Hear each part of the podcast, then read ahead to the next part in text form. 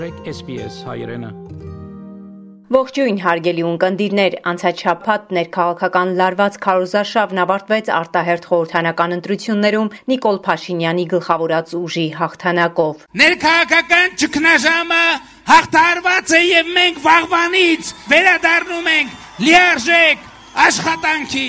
Երկրորդ եւ երրորդ նախագահներ Ռոբերտ Քոչարյանն ու Սերժ Սարգսյանը չեն ընդունում ընտրությունների արդյունքները։ Ստեփանակերտում դատապարտում են Թուրքիայի ու Ադրբեջանի նախագահների այցը Շուշի, այժմ այս եւ այլ նորությունների մասին առավել մանրամասն։ Կիրակի հունիսի 20-ին Հայաստանը ընտրեց նոր խորհրդարան։ Պատերազմում Հայաստանի պարտությունից հետո Նիկոլ Փաշինյանի հրաժարականը պահանջող ընդդիմության ցույցերն ավարտվել էին խորհրդարանական արտահերտ ընտրությունների նշանակմամբ։ Այսպիսով կենտրոնական ընտրական հանձնաժողովի նախնական տվյալներով վարչապետի պաշտոնակատար Նիկոլ Փաշինյանի քաղաքացիական պայմանագիր կուսակցությունը ստացել է քվեների մեծամասնությունը 53.92%, ինչը թույլ է տալիս միայնակ ձևավորել կառավարություն։ Խորհրդարան անցած մյուս երկու ուժերը երկրորդ նախագահ Ռոբերտ Քոչարյանի գլխավորած Հայաստան դաշինքն է 21.4%-ով եւ երրորդ նախագահ Սերժ Սարգսյանի գլխավորած Պատիվ ունեմ դաշինքը, որը թեև չի հաղթարել վճարել անցողի քշեմը 7%-ը հավաքել է 5.23%, այդուհանդերձ կմտնի խորհրդարան ըստ սահմանադրության բոնուսների։ Անցողի քշեմը չեն հաղթարել լուծարված 7-րդ խորհրդարանի ընդդիմադիր Բարգավաճ Հայաստան եւ Լուսավոր Հայաստան կուսակցությունները։ Վերջինս ի դեպ տարածած հայտարարությունում ասել է հարգում է ժողովրդի որոշումը։ Երկրորդ նախագահ Ռոբերտ Քոչարյանի Հայաստան դաշինքը չի ընդունում ընտրությունների արդյունքները եւ հայտարարել է, որ վիճարկելու լինելու է այն սահմանադրական դատարանում։ Հայաստանի ժողովուրդը վերջին 3 տարվա մեջ արեց երկրորդ հեղափոխությունը, Պողպատիա հեղափոխությունը, ասել է վարչապետի պաշտոնակատար Նիկոլ Փաշինյանն, ով առաջին նախնական տվյալները հրապարակելուց հետո գիշերն այցելել է քաղաքացիական պայմանագիր կուսակցության նախընտրական կենտրոնական շտաբ, իսկ հունիսի 21-ին երեկոյան Փաշինյանը Հանրապետության հրապարակում հարահավաք է հրավիրել, որտեղ տեղի ունեցել Պողպատե մանդատը նրան հանձնելու ստանալու հանդիսավոր արարողությունը։ Այս մանդատը արձանագրում է, որ Հայաստանի Հանրապետությունում հաստատվում է ժողովրդի կամքով իրավունքի եւ օրենքի դիկտատուրա հենց այս պայից, հենց այս վարքյանից եւ այս մանդատը մենք իրականացնելու ենք լիարժեք այո այս մանդատի մեջ մուրճել կա այս մանդատի մեջ սուրել կա Այս մարտատի մեջ բահել կա, այս մանդատի մեջ կա այն ամենը,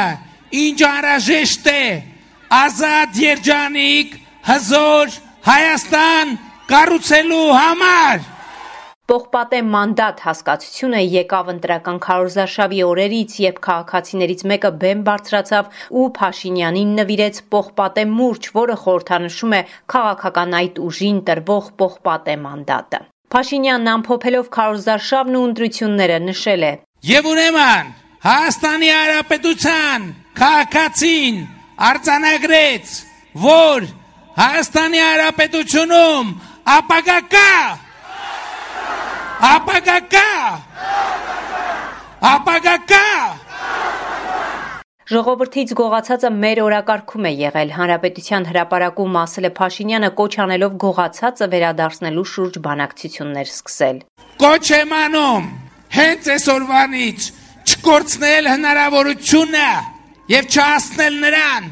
որ պետական թափանիվները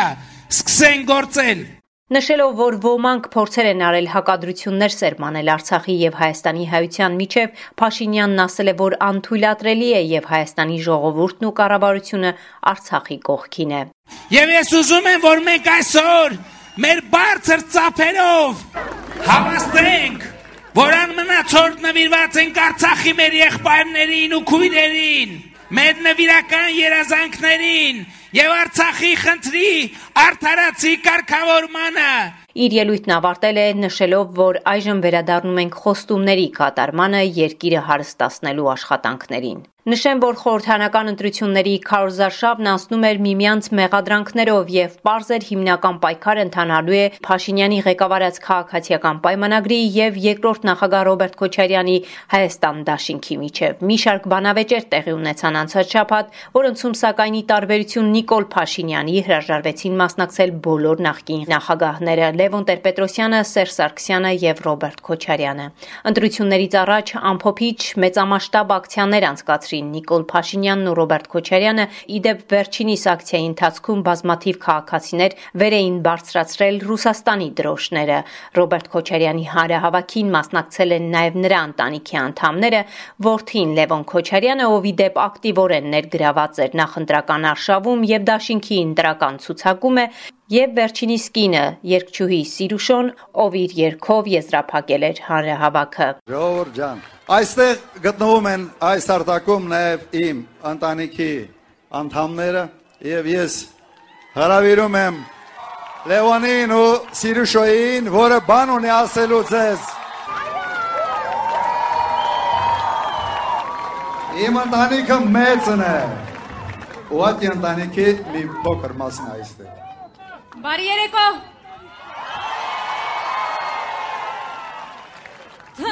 Թնդաց երկինքը հեյո Կանչախտանակի ու զարդունքի Մախոլուտոն կանչեցեյո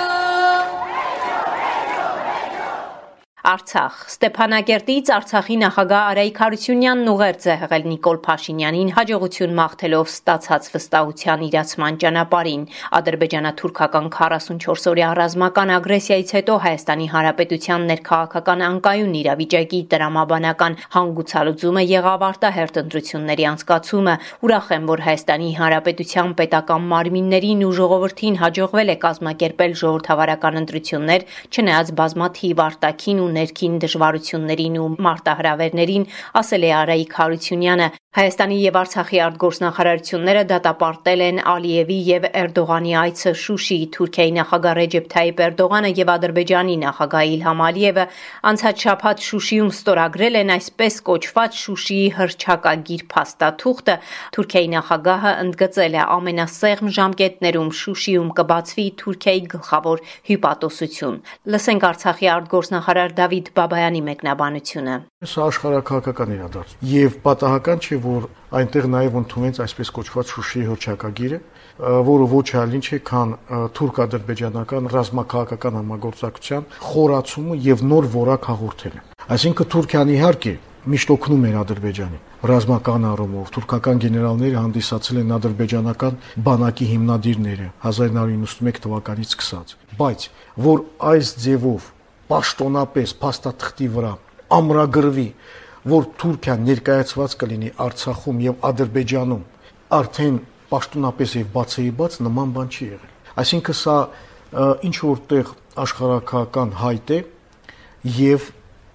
մեր նկատմամբ եւ կարելի ասել ոչ այնքան մեր նկատմամբ նույնիսկ քան այլ ուրեմն աշխարհակական խաղացողների Սփյուռք աշխարի տարբեր երկրներից սկսվում են շնորհավորանքները։ Առաջին արձագանքը Կրեմլից է։ Կրեմլը տեսնում է Փաշինյանի վստահ հաղթանակը ընտրություններում եւ շնորհավորում է հայ ժողովրդին ընտրության արդիվ։ Այս մասին հայտարարել է Ռուսաստանի նախագահի խոսնակ Դմիտրի Պեսկովը, հույս հայտնելով, որ հայ ժողովրդի որոշումը կօգնի երկրին դուրս գալ զարգացման կայուն ուղու վրա։ Եվրոպական խորհրդի նախագահ Շարլ Միշելը շնորհավորել է Հայաստանի վարչապետի պաշտոնակատար Նիկոլ Փաշինյանին նշելով Հանրամիությունը կանգնած է Հայաստանի կողքին, աջակցելով բարեփոխումների խորացմանը։ Թուրքիայի Մեջլիսի հայազգի падգամավոր Կարո Փալյանն իր Facebook-յան էջում հայերենով է շնորհավորել Փաշինյանին ու նրա կուսակցությանը Հայաստանի խորհրդանական ընտրությունների արդյունքում մեծամասնություն եւ կառավարություն կազմելու իրավունք ստանալու առիթով գրել է Կարո Փալյանը։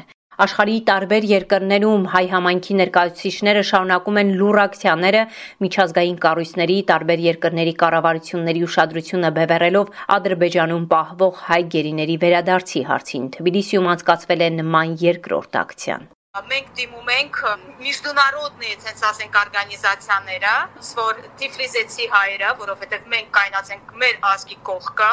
ուզում ենք